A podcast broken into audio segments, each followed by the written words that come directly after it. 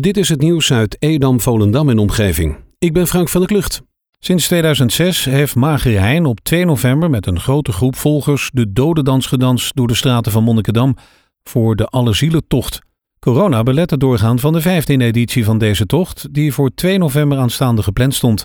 Met de opvoering van de middeleeuwse dodendans laten ze in Monnikendam zien dat doodgaan en gedenken voor mensen uit ieder gezin geldt. En net in het jaar waarin het gedenken van de doden een extra behoefte bestaat, kan de tocht dus niet doorgaan vanwege de strenge coronamaatregelen. De Allerzielentocht wordt hopelijk weer op 2 november volgend jaar georganiseerd door het middeleeuwse genootschap Monnikendam. Het voorstel van Partij voor de Dieren om een vuurwerkverbod in te stellen voor zogeheten stiltegebieden is goedgekeurd door de provinciale staten van Noord-Holland. Het verbod is vastgelegd in de nieuwe, veelbesproken omgevingsverordening van de provincie. Op de website van de provincie Noord-Holland kan je exact zien waar de stiltegebieden zich bevinden. Voor de gemeente Edam-Volendam komt het erop neer dat in het grootste gedeelte van Warder, Etersheim en Schardam geen vuurwerk mag worden afgestoken. Overigens is de stemming voor dit vuurwerkverbod volgende week pas officieel. Enkele inwoners uit verschillende leeftijdscategorieën van Edam-Volendam doen voor de tweede keer mee aan het lezersonderzoek. Het doel is het verbeteren van de dienstverlening voor wat betreft schriftelijke communicatie.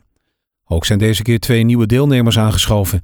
Op verzoek van de gemeente beoordelen de deelnemers of de brieven geschreven zijn in heldere taal en of de boodschap duidelijk overkomt. De deelnemers beoordelen de brieven dit keer thuis. De afgelopen weken ziet de gemeente Landsmeer een toename van het aantal meldingen van vuurwerkoverlast. In Nederland is vuurwerkafsteek alleen toegestaan van 31 december, 6 uur, tot 1 januari. Een uitzondering hierop is vuurwerk uit de categorie F1 zoals sterretjes en knalerten. Ervaar je overlast, meld dat dan gelijk via 0900 8844.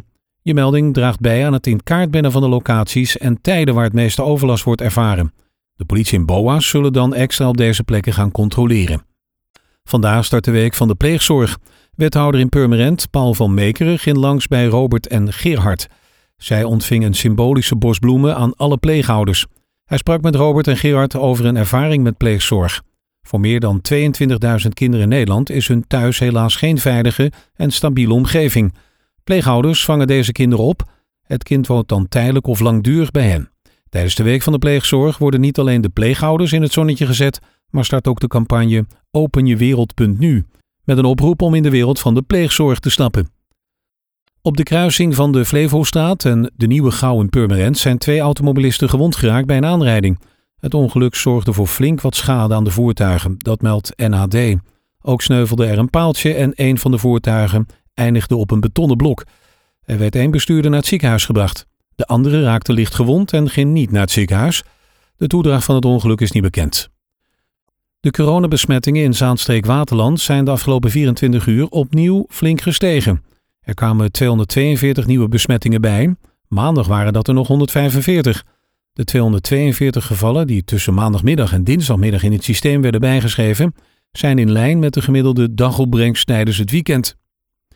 Oud-Edam meldt in een brief van haar leden dat er steeds meer op lijkt dat het Egbert Snijdersplein de sluitpost dreigt te worden van diverse gemeentelijke ruimtelijke ontwikkelingen. Een tijdelijke brandweerkazerne of parkeerplaatsen voor touringcars ziet de historische vereniging niet zitten.